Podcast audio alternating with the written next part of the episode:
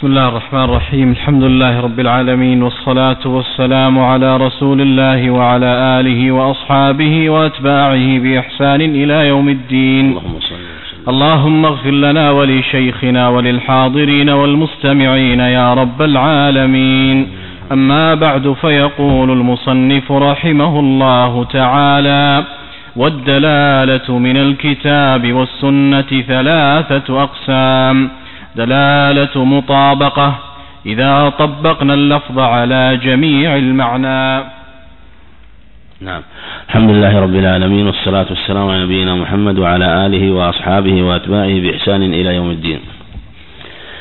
أيضا ينبه كما سبق في المفاهيم ذكرنا المفاهيم المفاهيم التي هي من باب مفهوم المخالفة وأن الجمهور يقولون بها. أيضا بقي من المفاهيم التي لم ينبه إليها نسيت التنبيه عليها مفهوم العدد مفهوم العدد. هذا أيضا قال به جمع من أهل العلم ومنهم من قال إنه ليس بحجة والأظهر أنه حجة أن مفهوم العدد حجة. هذا هو الأظهر. آه، إذا جاء تخصيص عدد بشيء معين فإنه يدل على أن الحكم يختلف في غير ذلك العدد. ولهذا جاء في أحاديث كثيرة تخصيص أعداد معينة مثل الاستجمار وأنه إذا استجمر أحدكم فليذهب معه بثلاثة أحجار آه، فنص على ثلاثة أحجار دل على أنه لا يجزئ ما دونها ما يجزئ ما دونها. أما ما فوق الثلاثة فليس من باب مفهوم العدد إنما يكون من باب مفهوم الموافقة لأن الشيء العدد إذا خص بأمر طلب تحصيله بعدد معين فما فوقه آه، إذا كان أولى بالحكم كان من مفهوم الموافقة. إذا كان آه، تخصيصه بهذا العدد فما فوقه يكون بمفهوم الموافقة إلا إذا كان التقدير حد لا يجوز تجاوزه. مثل جلد الزاني مئة فإنه لا يجوز التجاوز كما أنه لا يجوز النقصان. وهكذا أيضا في أحاديث أخرى. والنبي عليه الصلاة والسلام لم قال لا أزيدن على السبعين. استغفر لهم أو لا تستغفر لهم. إن تستغفر لهم سبعين مرة فلن يغفر الله لهم. قال سأزيد على السبعين يقول عليه الصلاة والسلام. فهذا دل على أنه قصد إلى مفهوم العدد عليه الصلاة والسلام. أيضا لكن هذا كله هذا كله إذا لم يكن مبالغة إذا لم يكن مبالغة. أما ما كان على سبيل المبالغة فإنه لا مفهوم له. ما كان على سبيل المبالغة فإنه لا مفهوم له. ففي لغة العرب ذلك يستخدمونه. فيقولون جئتك ألف مرة ومرة. مثل الإنسان تقول لإنسان اتصلت عليك ألف مرة وأنت ما اتصلت عليه ألف مرة. إنما قصدك يمكن ولا مئة مرة قصدك المبالغة. في هذا والكثرة. فإذا قصد المبالغة والكثرة في هذا لا بأس. إذا قصد مثل جئتك مئة مرة يعني إشارة إلى كثرة المجيء فإذا لم يقصد بالعدد المبالغة فإنه هذا هو موضع الخلاف. أما ما قصد به المبالغة فهذا لا مفهوم له. فكلام أهل العلم فيما لم يقصد فيه المبالغة. فهو معتبر وله مفهوم كما تقدم.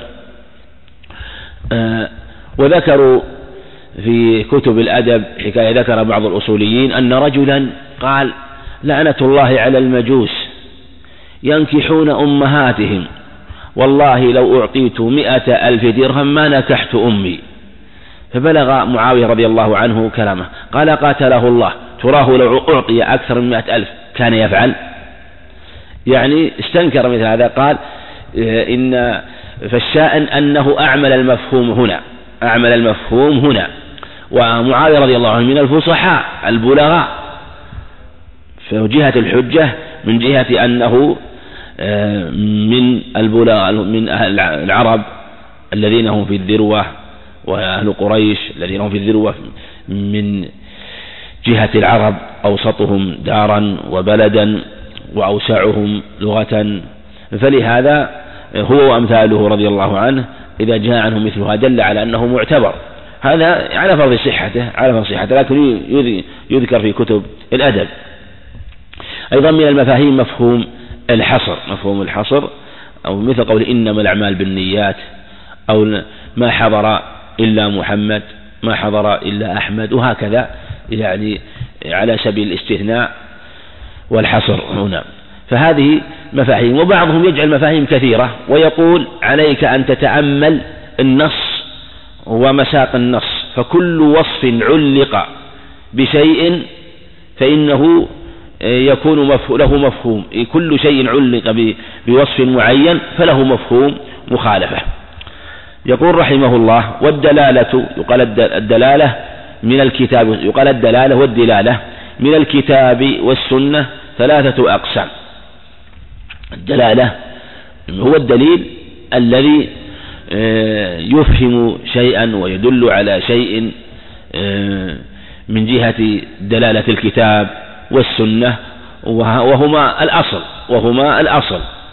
وذلك أن هذه الدلالات دلالات دلالات من باب المنطوق كلها من باب المنطوق دلالة المطابقة والتضمن والالتزام.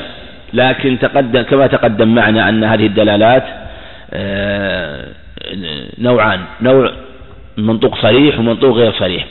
وأشرنا في الدرس السابق إلى هذه الدلالات وإلى شيء من التقسيم فيها. يعني أشرنا إليها وإلى الكلام عليها لكن نشير إشارة أيضا أخرى تبين توضح المعنى. دلالة المطابقة هي أن يتطابق اللفظ والمعنى في مسمى الشيء فهو أن يفهم آه، يعني أن يدرك السامع من كلام المتكلم كامل المسمى. هذا معنى المطابقة. أن يدرك أو أن يفهم السامع من كلام المتكلم كامل المسمى. مثلا إذا قال المؤذن قد قامت الصلاة ذكر الصلاة إذا قال أقام. نفهم من قوله الصلاة بجميع أجزائها بإحرامها بركوعها بسجودها هذه مباشرة ينقدح في الذهن الصلاة بجميع أجزائها.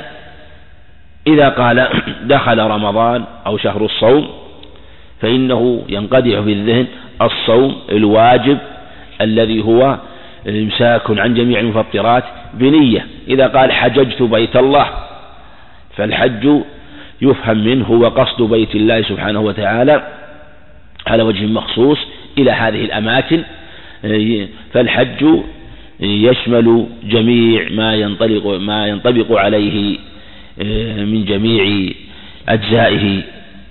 فإذا تكلم المتكلم فهم فهم السامع منه كامل المسمى فهم المسمى. هذا هو دلالة يعني تطابق تطابق اللفظ والمعنى على مسمى. وهم يذكرون له أمثلة يذكرون له أمثلة كثيرة. مثاله مثلا إذا قلنا يعني مبحث في مبحث مثلا تقدم معنا المكلف. قلنا إن المكلف هو العاقل البالغ. ومنهم من يزيد الذاكر غير الملجأ يعني باب التوضيح وهذا أمر مراد. إذا قلت المكلف هذا فلان مكلف فالمعنى أنه بالغ عاقل. هذا وجه المطابقة. لا يكون مكلف إلا إذا كان بالغ عاقل. دلالة مطابقة بين مسمى المكلف وشرطه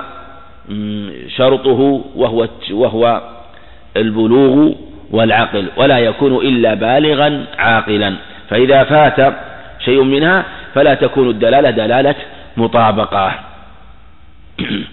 وهكذا الإنسان حينما يؤمر بالصلاة يؤمر بالوضوء يؤمر بالصوم فإنه يكون أمرا بجميع هذا المسمى. وإذا جاءت أوامر الكتاب بالأمر بالتقوى بالأمر بالإيمان بالأمر بالصلاة بالأمر بالزكاة فهو أمر بالصلاة بجميع أركانها وأجزائها. فمن نقص شيئا من ذلك فلم يؤدي ما أوجب الله على الوجه المطابق لما أمر. وهكذا إذا أمر النبي عليه الصلاة والسلام بأمر أو نهى عن شيء فإنه آه، إذا إذا كان في باب الأمر باب الأمر لا يحصل تمام المسمى حتى يأتي به كما أمر. فالوضوء كما توضأ. النبي عليه الصلاة والسلام علمنا فلو أن إنسان توضأ وأخل ببعض الأعضاء ما يعتبر متوضأ. لأن هذا الوضوء المشروع قد نقص منه شيء يفوت كامل المسمى بل بعض المسمى. وشيء لا بد من وجود أجزائه جميعا. فلو فات شيء سقط الجميع. ولهذا قال النبي عليه الصلاة والسلام ذلك الرجل لما لم يغسل لما لم يغسل تلك البقع قال ارجع فأعد الوضوء والصلاة لأن ما أتى بالوضوء على الوجه المطابق لما فعل عليه الصلاة والسلام ولما أمر. وهكذا في جميع أوامر الشريعة. وهكذا الإنسان إذا أمر غيره بأمر من الأمور. إذا أمر غيره بأمر من الأمور فإنه إذا يعني أمر بجميع مسمياته. هذا هو عند عند الإطلاق. فإذا نقص شيئا فإنه لم يمتثل. فإنه لم يمتثل. ويأتي الإشارة إلى الدلالة الأخرى. نعم. يقول المصنف رحمه الله تعالى ودلالة تضمن إذا استدللنا باللفظ على بعض معناه. نعم. دلالة تضمن. دلالة تضمن هو أن يفهم السامع من كلام المتكلم جزء المسمى. شوف الأول كامل المسمى. لو أن يفهم السامع من كلام المتكلم كامل المسمى. التضمن أن يفهم السامع من كلام المتكلم جزء المسمى. مثلا المثال اللي تقدم إذا قلنا فلان مكلف أو أطلقنا كلمة التكليف والمكلف. فالمعنى كما تقدم البالغ العاقل. البالغ هذان الشيطان يعني مشهوران في هذا الباب. لكن إذا قلنا فلان بالغ فلان بالغ. هل هذا مع المكلف من مبدأ التضمن أو من مبدأ الالتزام؟ تضمن. لأن البلوغ جزء من التكليف. إذا قلنا فلان عاقل تضمن. لأن قد إذا قد يكون عاقل لكن غير مكلف المميز عاقل. المميز عاقل. آه، فلهذا مثلا إنسان مجنون بالغ لكنه ليس بعاقل ليس بعاقل. فلهذا دلالات الشرع دائما تكون يكون الشيء مطلوب على جهة المطابقة كالتكليف. لا يكون الشخص مكلفا إلا إذا تطابق مسمى التكليف على شروطه كلها. فلو وجد واحد وإن تضمنه مسمى التكليف لكنه ليس مكلفا ليس مكلفا. بل هذا من ضمن التكليف يعني في ضمنه أو جزء من أجزائه. إذا قلت مثلا الصلاة الصلاة كما تقدم تشمل جميع الأركان والواجبات فيها والمستحبات. الركوع وحده بالنسبة للصلاة هل هو مبدأ التضمن ولا مطابقة؟ تضمن السجود التضمن. وهكذا كل جزء من الصلاة فهو من باب دلالة التضمن باب دلالة التضمن. فلهذا لا تكون صلاة حتى تحصل تمام المطابقة في مسمى الصلاة مما هو واجب لها.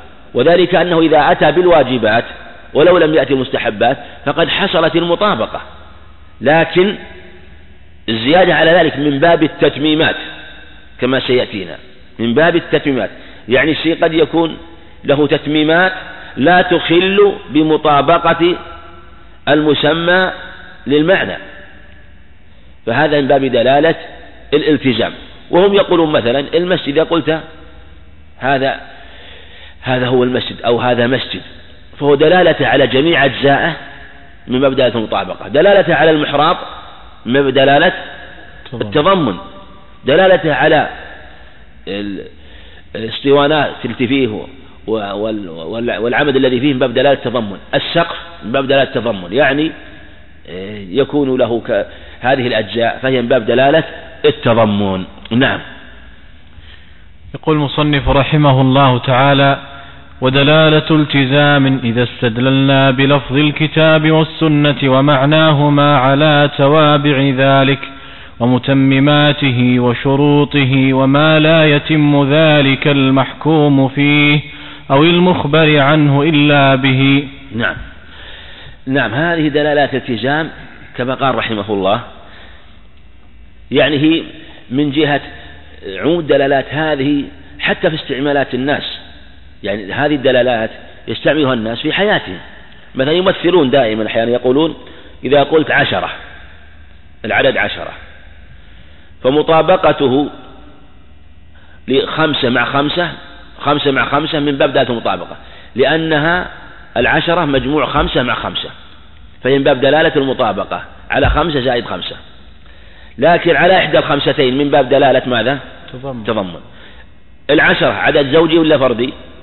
زوجي. هذه دلالة التزام. خارج عن اللفظ.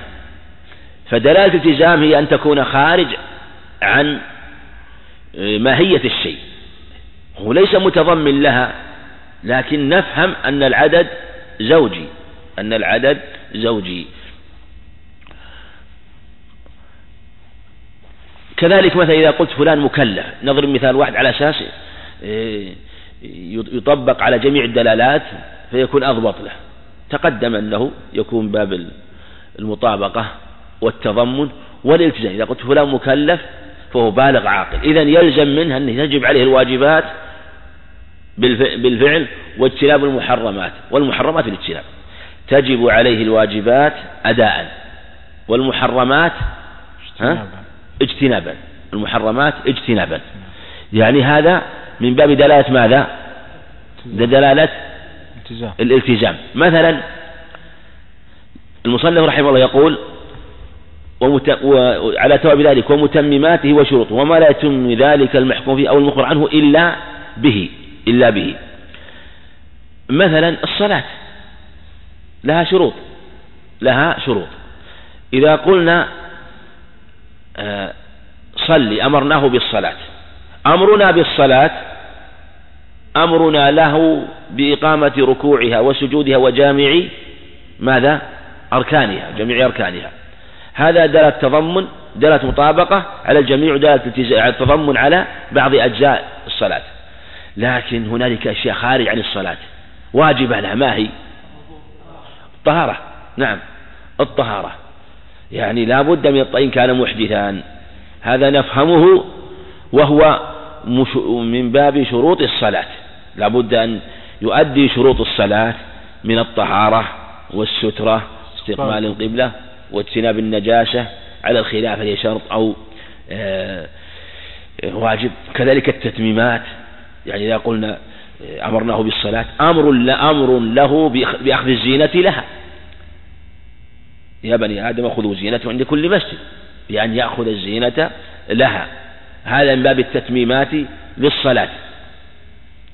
وهكذا إذا قلنا يا لفلان يعني يجب عليك الحج. يجب عليك الحج. الحج بالمطابقة على جميع أفعاله جميع أفعاله. وعلى بعضها من باب دلالة التضمن واضح؟ يلزم منه أنه مكلف. يلزم من كلامنا الذي سمعناه أن الذي أمره بالحج ماذا؟ مكلف ولا غير مكلف؟ أن, أن, أن الحج واجب عليه واجب عليه؟ أن الحج واجب عليه وأنه. يلزم أنه مستطيع. يعني هو مكلف حسب لا. مستطيع لأن الحج ليس خاص بالمكلف لا. قد يكون مكلف لكن غير مستطيع. يعني نفهم منه أنه مستطيع للحج. وهكذا. هذا معنى كلام رحمه الله. آه، استدل بأخذ الكتاب والسنة ومعناهم على تواب ذلك ومتمماته وشروطه. وما لا يتم المحكوم فيه أو المخبر عنه إلا به.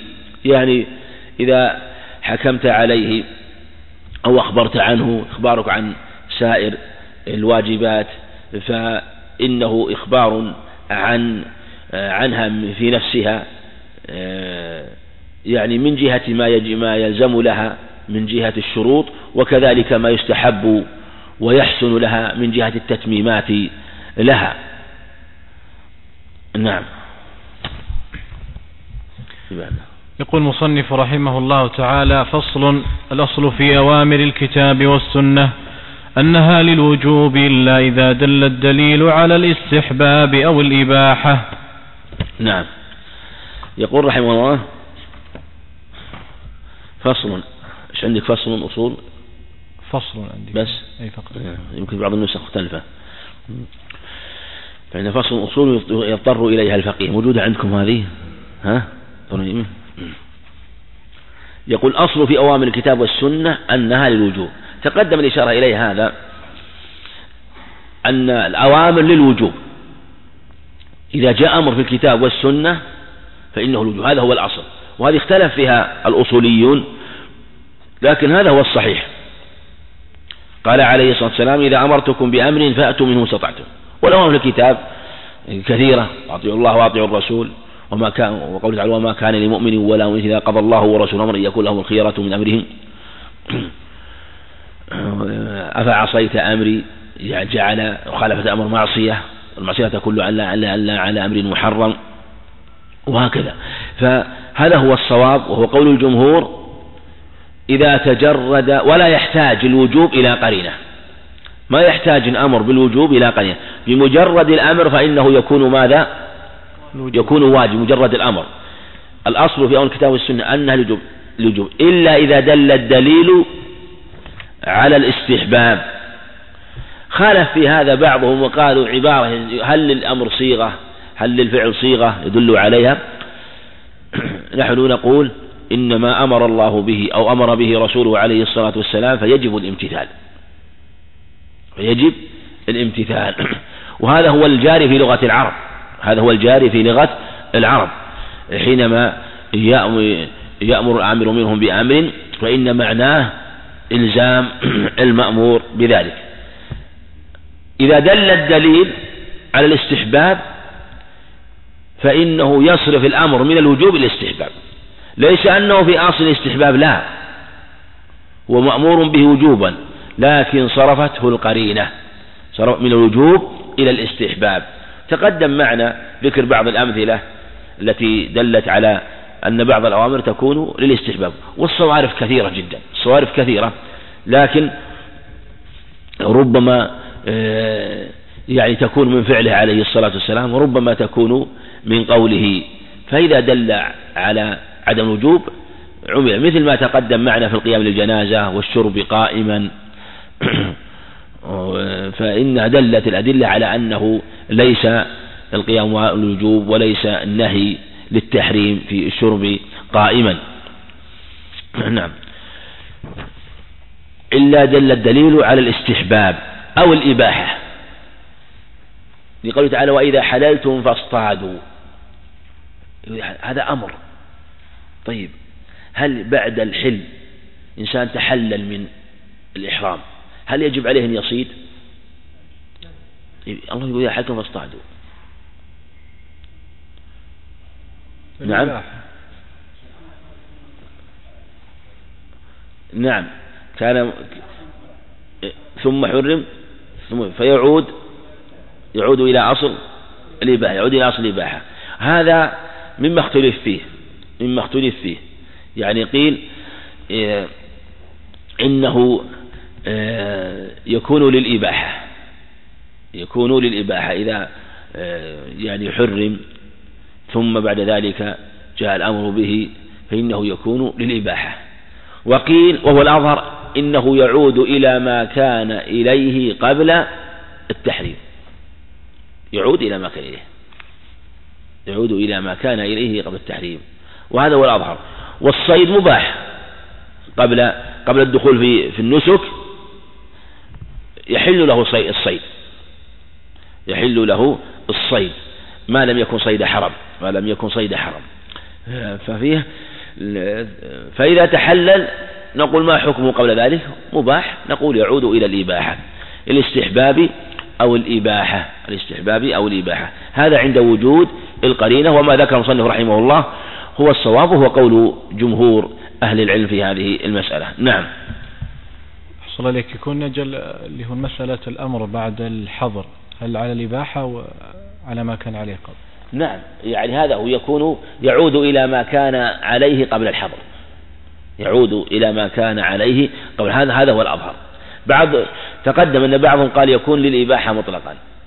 قالوا إن التحريم قرينة على أن الأمر ليس آه، للإباحة فضلا يكون للوجوب. التحريم قرينة يصرفه جعله قرينة. ومنهم من قال لا التحريم هذا أمر عارض أمر عارض.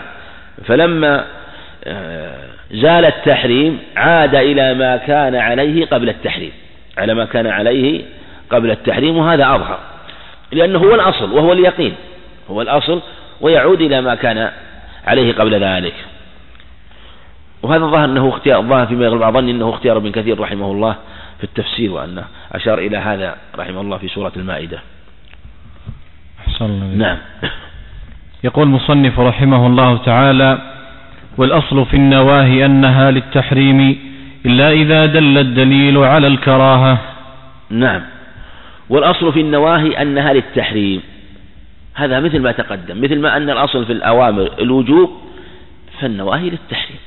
وهذا هو قول جماهير أهل العلم وهو الصواب. ولا يحتاج إلى قرينة. وأن للنهي صيغة واضحة بمقتضاه يدل على ذلك. وكذلك وكذلك الأمر. يقول النبي عليه الصلاة والسلام إذا أمرتكم بأمر فأتوا منه ما استطعتم.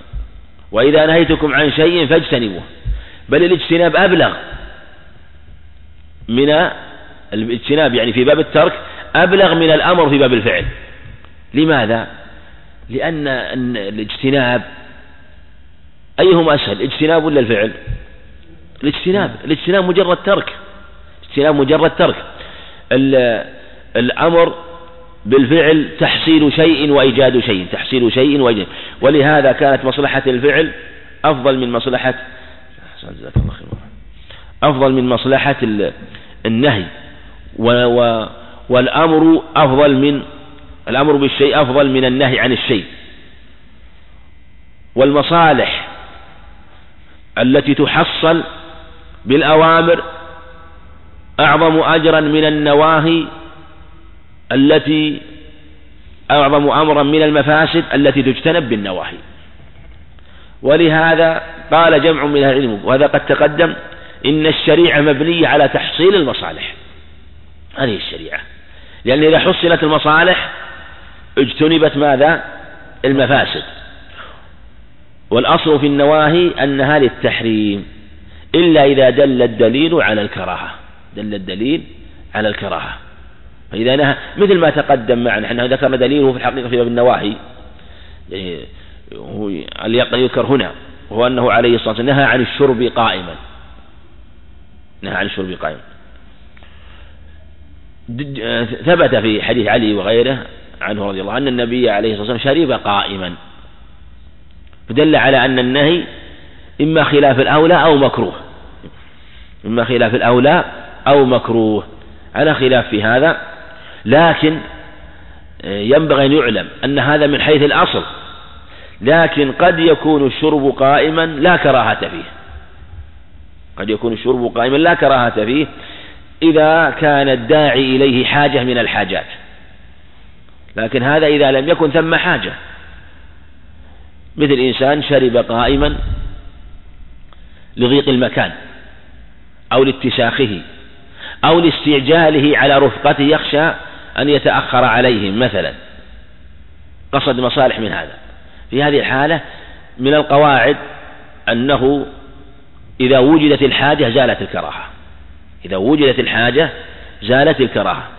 والنبي عليه الصلاة والسلام حينما شرب قائما في حقه قربة وإلا خلاف ذلك؟ قربة. قربة. وقد يفعل للمكروه مبينا أنه للتنزيه. فصار في حقه من القرب كالنهي أن يشرب من فم القرب.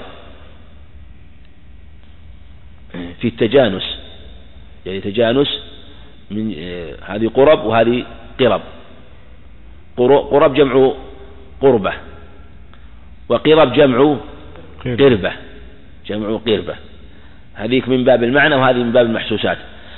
فصار في حقه من القرب كالنهي أن يشرب من فم القرب. هو عليه الصلاة والسلام لما شرب قائما يبين الجواز على أحد الأقوال فكان في حقه قربة.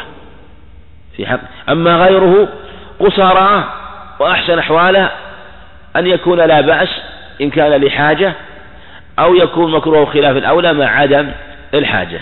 إلا إذا دل الدليل على الكراهة. هذا هو قول الجمهور كما تقدم. نعم. يقول المصنف رحمه الله تعالى والأصل في الكلام الحقيقة فلا يعدل به إلى المجاز. إن قلنا به لا إذا تعذرت الحقيقة. نعم. هذا البحث من أطول المباحث يذكره الأصوليون والبلاغيون ومنهم من ألغاه تماما ما يتعلق بالمجاز وأبطله. وقالوا إنه لا مجاز في اللغة فضلا أن يكون في القرآن. وهذا القول رجحه أئمة اللغة الكبار وقالوا إن القول بالمجاز باطل. أما في القرآن فهو على سبيل الجزم. وكذلك قالوا في اللغة وهو مبحث واسع جدا.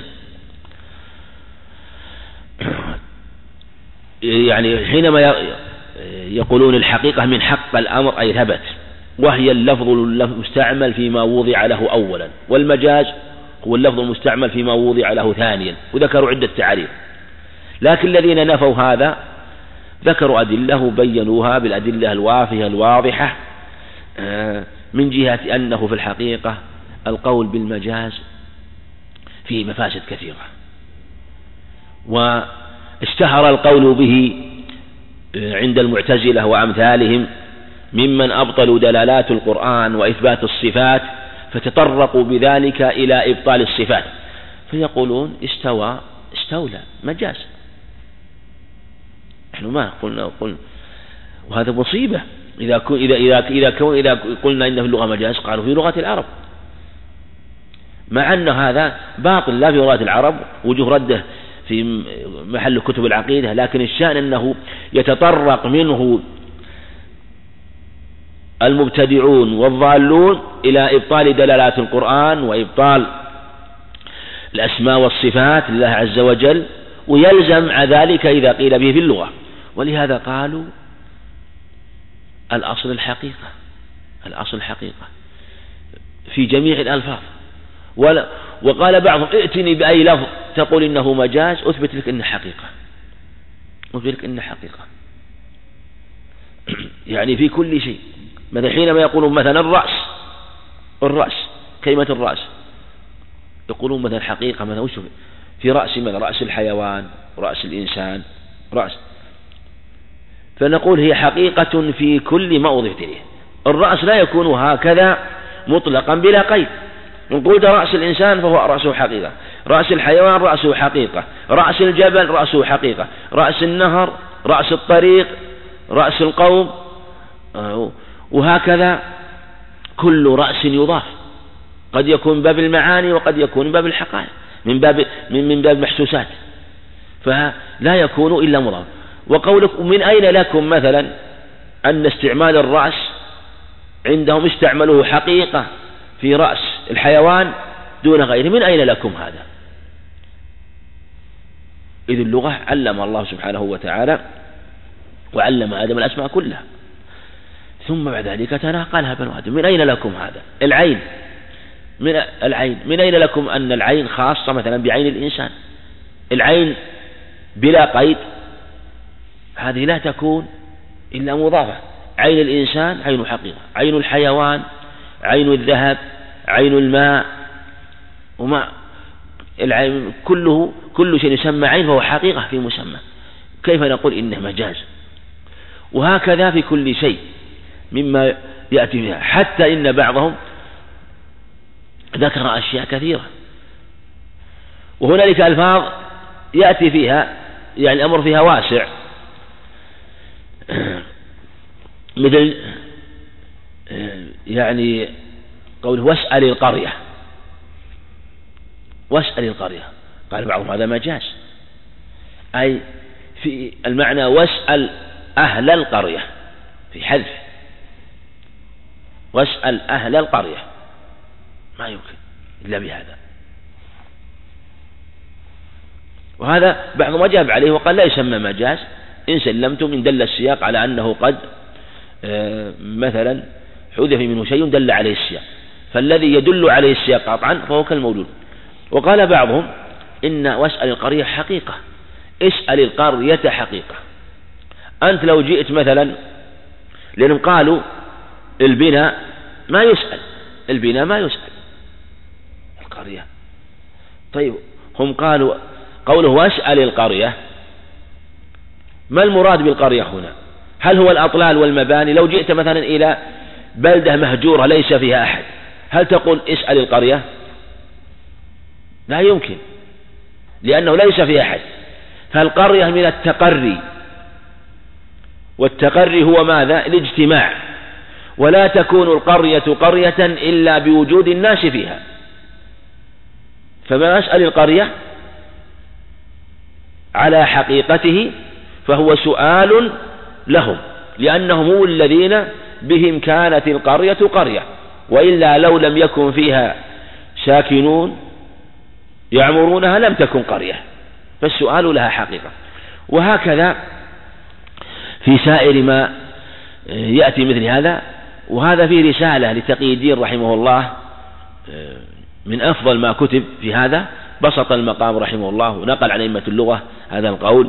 ولهذا قال المصنف رحمه الله إن قلنا به إن قلنا شرط لإشارة إلى أن القول به فيه ضعف. ولهذا أصل في الكلام الحقيقة فلا يعدل المجاز إلا إذا تعذرت حقيقة مع أن على القول الصحيح لا تتعذر الحقيقة. لا تتعذر ما دام حقيقة فإنها ثابتة حقيقة. وكل شيء له حقيقة تخصه على هذا القول. نعم. يقول المصنف رحمه الله تعالى والحقائق والحقائق ثلاث شرعية ولغوية وعرفية. نعم الحقائق ثلاث. شرعية هو ما جاء في لسان الشرع مما سماه به مثل مسمى الصلاة الزكاة الصوم الحج. هذه حقائق شرعية جاءت في الكتاب والسنة. ولغوية معروفة عند العرب كثيرا. كل ما يتلفظ به الناس مثل السماء الأرض الشمس القمر الأنهار البحار الأشجار. هذه حقائق لغوية معروفة. إذا أطلقت فهم من هذا الشيء. تلك حقائق شرعية. إذا أطلقت فهم منها ما جاء به الشرع. وعرفية. عرفية هو ما يتعارف عليه قوم في شيء من الأشياء ما يتعارف عليه. وهو يعني تخصيص بعض الألفاظ ببعض الأشياء. مثل مثلا الدابة في اللغة. الدابة في اللغة الحقيقة اللغوية كل ما يدب على الأرض. إنسان أي حيوان الهوام والحش كل ما يدب على الأرض فهو دابة. فهو دابة. وما من دابة في الأرض إلا على الله رزقها. كل ما يدب على فهو دابة. لكن في عرف في عرف الناس الدابة ذوات الأربع. للحيوان للحيوان ذوات الأربع. صارت حقيقة عرفية. مثلا الغائط. في لغة العرب الغائط هو المطمئن من الأرض. هو المطمئن يعني النازل لهذا في الحديث اللي عند أبي داود وغيره فينزلون بغائط من الأرض يعني في بلاد الشام في آخر الساعة في, في آخر الزمان قرب قيام الساعة بغائط يعني مكان نازل مكان نازل سمي الغائط. فقلت هل أو جاء أحد منكم من الغائط. أطلق المحل وأريد الحال. فلما كان من عادة العرب أنهم إذا أرادوا قضاء الحاجة يبتعدون ويقصدون إلى مكان ماذا؟ نازل حتى حتى ماذا؟ يستتر به لا يرى يكون نازل لقضاء حاجته فسمي المحل بالحال سمي المحل أو سمي الحال سمي الحال بالمحل سمي الحال بالمحل وإلا في الأصل المكان النازل. مثلا العذرة. العذرة في الأصل في اللغة على أحد الأقوال هي فناء الدار. لأن يعني توضع فيها المزابل وتخرج بيت وتوضع في فناء الدار. يعني في فناء يسمى العذرة. هو فناء الدار يعني ما اتسع من مساحتها أمامها وصارت تطلق على الفضلة الخارجة من الإنسان العذرة. مع أن بعضهم أثبت أن العذرة تطلق عليهما جميعا وعلى هذا قالوا ليست من هذا الباب. مثاله الراوية أيضا الراوية لما يستقى أو يعني يعني هناك أمثلة هناك أمثلة وهذه توضح المراد. يعني هذه حقائق عرفية يسمى حقائق عرفية تعارف الناس عليها وهو تخصيص الاسم ببعض مسمياته لتعارف بين الناس. وعلى هذا اصطلاحات الناس كثيرة الآن. تجد مثلا بين الفلاحين بين الأطباء بين المهندسين بين أصحاب العمارة وغيرهم اصطلاحات خاصة. لكل قوم اصطلاح وأمور يتعارفونها بينهم. هذه اصطلاحات عرفية. لكن الفقهاء الله عليهم والأصوليون يريدون العرف اللي كان في لغة العرب ويلحق به اصطلاح كل قوم. ثم أيضا أنبه إلى أنه أحيانا ربما تجد في كتب الأصوليين حقيقة وضعية حقيقة وضعية. الحقيقة الوضعية هذه يريدون بها الحقيقة اللغوية يريدون بها الحقيقة اللغوية لأنها لأن أصل اللغة وضع الألفاظ للمعاني والألفاظ قوالب المعاني فلأنها من باب الوضع ف أو وضعت سميت حقيقة وضعية وهي الحقيقة اللغوية. لكن الحقيقة الوضعية أوسع. أوسع. قد تشمل الحقيقة العرفية لأن الوضع إما أن يكون في وضع اللغة في الأصل أو في وضع آخر وهو الوضع العرفي الوضع العرفي الذي يتعارف عليه الناس. ولهذا الجاري والأوضح أن نقول حقيقة شرعية ولغوية وعرفية ولغوية وعرفية. ومنهم من يقسم من ينكر هذا التقسيم ويقول حقائق نوعان. لغوية وشرعية. الحقيقة نوعان. والشر واللغوية وضعية وعرفية. وضعية وعرفية. وهذا أظهر في الحقيقة. لأن الحقيقة العرفية مأخوذة متولدة من الحقيقة اللغوية. يعني الحقيقة العرفية مأخوذة من الحقيقة اللغوية. لأن تخصيص الشيء ببعض مسمياته مثل تخصيص لفظ الدابة بما بالحيوانات ذوات ذوات الأربع وإن كان في الأصل لكل ما يدب على الأرض. لكن كما قيل لا مشاحة في الاصطلاح بعد فهم المعنى. وهذا كله المقصود منه ما بعده في فهم هذه الأقسام حتى يميز هذا عن هذا وهذا عن هذا. نعم. يقول المصنف رحمه الله تعالى فما حكم به الشارع وحده وجب الرجوع فيه إلى الحد الشرعي وما حكم به ولم يحده اكتفاء بظهور معناه اللغوي وجب الرجوع فيه إلى اللغة وما لم يكن له حد في الشرع ولا في اللغة رجع فيه إلى عادة الناس وعرفهم. و... نعم. يقول رحمه الله فما حكم به الشارع وحده؟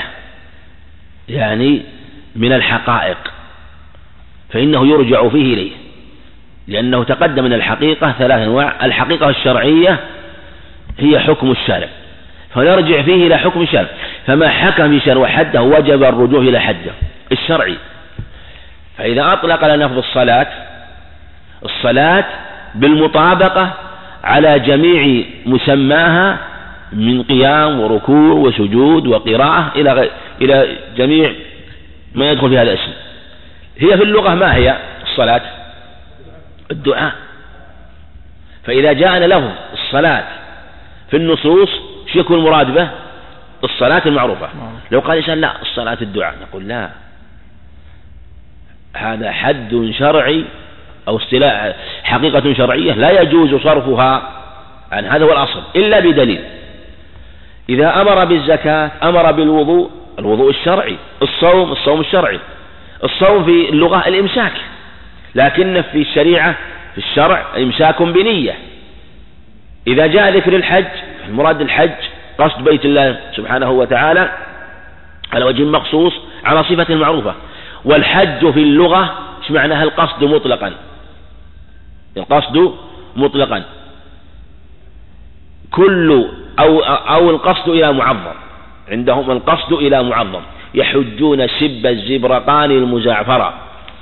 يعني الحج إلى معظم. يسمونه حج. لكن في الشرع حج قصد خاص. إلى مواضع خاصة فإذا جاءكم هو المراد. الزكاة في اللغة النمى. لكنها في الشرع مال مقدر بشروط خاصة بوقت خاص وبتقديرات وتقسيمات جاءت بها الأدلة. ليس آه، ليس المراد به مجرد النماء وهكذا. فيجب الرجوع فيه إلى حده. لهذا الأصل أنه يؤخذ بالتقدير الشرع بالحقيقة الشرعية. لما قال عليه الصلاة والسلام إذا دعي أحدكم وهو صائم فهو إذا دعي أحدكم فإن كان مفطرا فليطعم وإن كان صائما فليصل. فليصل. قوله فليصلي عند الإطلاق وش يكون المراد؟ الصلاة حقيقة. صلي. إذا جاء عند هو صائم ودخل عندهم يشرع أن يصلي ركعتين. إذا تيسر ذلك صلى ركعتين. يكون في مصلحة ودعاء لهم يجيب ويصلي. فليصلي هذا هو الأصل. وقيل إن الصلاة هنا الدعاء. وقد ورد في رواية عند أبي داود فليدعو فليدعو. وعلى هذا نقول إن المراد بالصلاة هنا الدعاء لدليل الرواية الأخرى وهي رواية جيدة أنه فليصلي فليدعو فصرف فبينت القرينة والدلالة أن المراد بالصلاة هنا الدعاء. الصلاة بالمراد هنا الدعاء. وإن أخذ بكامل المسمى وصلى ربما كان أفضل. وهكذا قول النبي عليه الصلاة والسلام في حديث زيد بن ثابت وابن عمر وأبي هريرة في صحيح مسلم توضأوا مما مست النار. شربت الشاي الآن. مست النار ولا مست النار؟ والقهوة. شو نقول لك؟ توضأ مما مست النار. سنة أن تتوضأ. قال واحد الوضوء المضمضة. يتمضمض لأنه مثلا فيه طعم حلا أو يبقى في الريق وما أشبه ذلك نقول لا. من قال لك ذلك؟ يتوضأ مما مست النار. تتوضأ مما مست النار. أي شيء مسته النار تتوضأ منه. لكن على سبيل ماذا؟ استحباب. ليس بواجب. النبي عليه الصلاة والسلام أكل آه، في حديث جابر عند ابن وغيره لما أنه أكل طعاما وبقي منه لحم فلم يتوضأ. قال كان حديث جابر رضي الله عنه كان آخر الأمرين من رسول الله ترك الوضوء من مسة النار. يعني أنه لم يتوضأ في تلك الحال. دل على عدم الوجوب. ثم في حديث جابر بن سمرة لما قال أتوضأ من لحوم الغنم إيش قال؟ إن شئت إن شئت. يعني الأفضل أن تتوضأ لأن إذا لأن ما مسته النار سنة من جهة أن آه، هذا يوقع في البدن حرارة ولا شك أن له أثر فهو الوضوء فيه برودة وفيه له أثر حسن باطن وظاهر فالسنة الوضوء مما مسته النار. أما ما لم تمس النار من الفواكه والخضروات وسائر ما لا تمسه النار مما آه، لم لم يغلى عليها ويطبخ عليها فهذا آه، لم يأتي فيه هذا الأمر. إنما يتأكد في مثلها توضأ مما ست النار. الوضوء المراد هو الوضوء الشرعي إلا لقرينة تدل على ذلك. وما حكم به ولم يحده اكتفاء بظهور معناها اللغوي وجب فيه إلى الرجوع إلى اللغة. يرجع فيه إلى اللغة. فهكذا يعني ذكر الشمس والقمر وجاءت فيها حدود شرعية في القمر طلوع القمر وخروجه والشمس وهكذا. فهذه أشياء يرجع فيها إلى اللغة وهذه تعرفها العرب وكل مسمى في اللغة على وكل وكل آه، ما حكم به ولم يحده لأن تارة يحد مثل الصلاة حدها لأن لها معنى في اللغة لكن في الشرع حدها. هنالك أشياء لم يحدها وتركها. وتركها في هذه الحالة يرجع إلى معناه في اللغة لأنه لم يحده. لكن هل الشرع نقل الحقائق هل هنالك حقائق شرعية؟ ونقل مثلا معنى الصلاة في اللغة تماما وكانت حقيقة شرعية مستقلة أو أن الشارع مثلا أخذ لفظ الصلاة بمعنى الدعاء وزاد فيه الشروط أخذ لفظ الصوم بمعنى الإمساك وزاد فيه الشروط. أخذ معنى الحج وزاد فيه الشروط والزكاة وزاد فيه الشروط. يعني أنه لم تأتي حقائق شرعية مستقلة إنما زاد شروطا على الحقيقة اللغوية. هذا على قولين وبعضهم يقول ربما يكون خلاف لفظي. اختار تقي الدين رحمه الله في كتاب الإيمان أنه لم يغير اللغة ولم ينقلها أقرها وإنما زاد شروط. وكثير من الأصوليين يقول لا جاء الشرع بحقائق لغوية بحقائق شرعية ثابتة. ثابتة آه، بمعنى أنها آه، خطف هذه المعاني وجعل لها معاني مستقلة.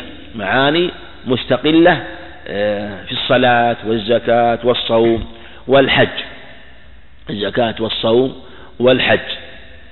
قالوا يلزم عليه أن الأخرس لو قلنا إن الحقيقة الشرعية الحقيقة اللغوية باقية الحقيقة اللغوية باقية يلزم عليه أن الأخرس ما يستطيع يصلي لأنه لا يستطيع يدعو إنما يصلي بلا دعاء يؤدي يؤدي يؤدي الأركان كلها ولا بلا دعاء وهو لم يؤدي لم يحصل فيه معنى الحقيقة اللغوي الذي هو الدعاء. لكن الذين يخالفون يقولون فاتقوا الله ما استطعتم إذا أمرتكم بأمر فأتوا منه ما استطعتم يعني ليس بواجب عليه. وما لم يكن فيه حد في الشرع ولا في اللغة رجع فيه إلى عالة الناس وعرفهم. إلى عالة الناس وعرفهم. ما لم يكن له حد في اللغة ولا في الشرع. مثل الحرز. مثلا آه، يرجع فيه إلى عادة الناس وعرفهم. وأشياء كثيرة. مثل مثلا مسألة النفقة بالمعروف. مسألة الكفارات الأيمان. أي ذكر تقييد رحمه ذكر بحثا جيدا في الفتاوى رحمه ذكر أمثلة مثل مسألة الكفارة كفارة اليمين. تختلف مثلا من أوسط ما تطعمون. إنسان يخرج كفارة. البلد هذا أوسط ما يطعمون غير البلد هذا. إنسان سرق. السرقة تكون من الحرز. لكن الحرز في مكان قد يكون ليس بحرز في مكان آخر. ويختلف حسب قوة السلطان وضعفه. مثلا في بعض البلاد ربما يكون المتاع الذي يكون في مثلا مسوع السور خفيف أو مستور حرز لقوة السلطان. وفي مكان آخر ليس بحرز لضعف السلطان مثلا.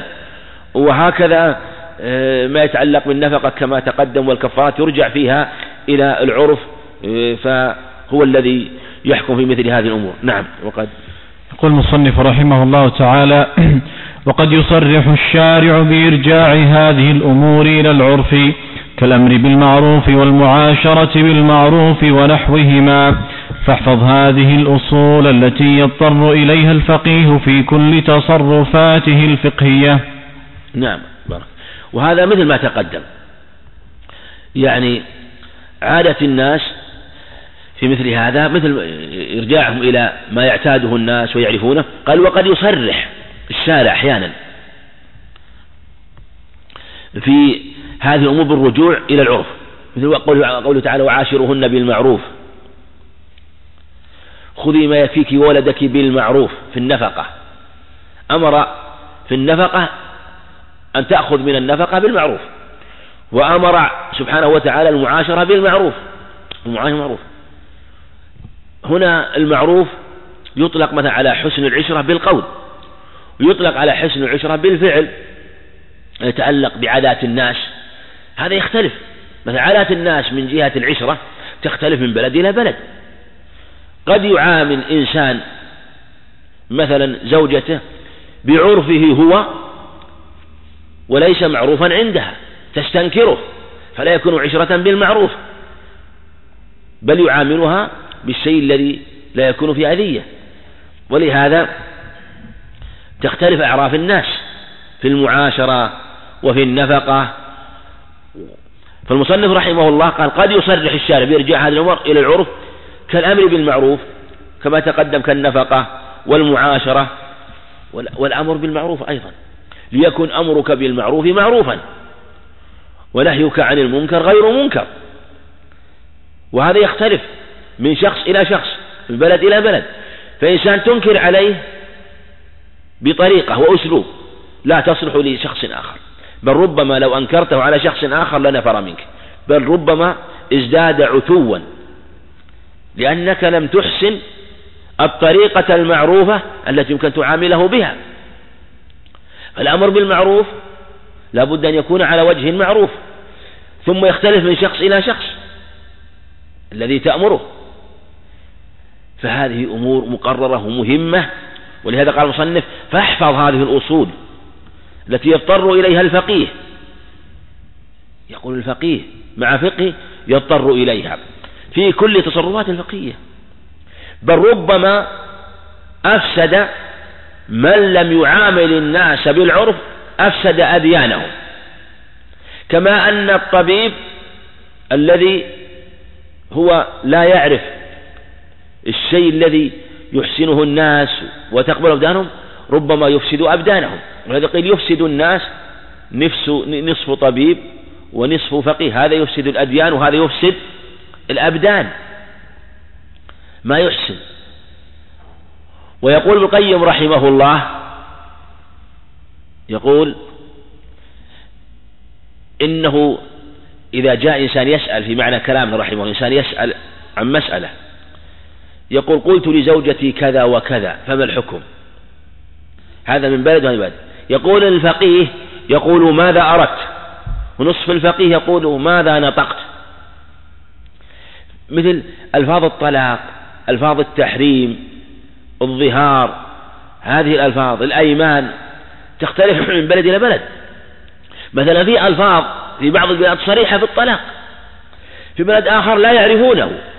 فلو أراد إنسان أن يفتي إنسان بلفظ معروف عند قوم أنه طلاق لأنهم تعرفوا وهو معروف عنده وعند هؤلاء لا يعرفونه وأطلقه على زوجته هذا لا يجوز له أن يفتيه بذلك لأنه لم يعرف هذا هذا واقع كثير في كثير من ألفاظ الناس التي يطلقونها فيما فيما يتعلق بالتحريم والطلاق وألفاظ كثيرة من هذا الجنس. فينبغي معرفة أعراف الناس وإذا أشكل عليه سأله ماذا أردت بمثل هذا. نسأله سبحانه وتعالى لي ولكم التوفيق والسداد والعلم النافع أما الصالح مني وكرم آمين. وصلى الله وسلم وبارك على نبينا محمد. اللهم صل.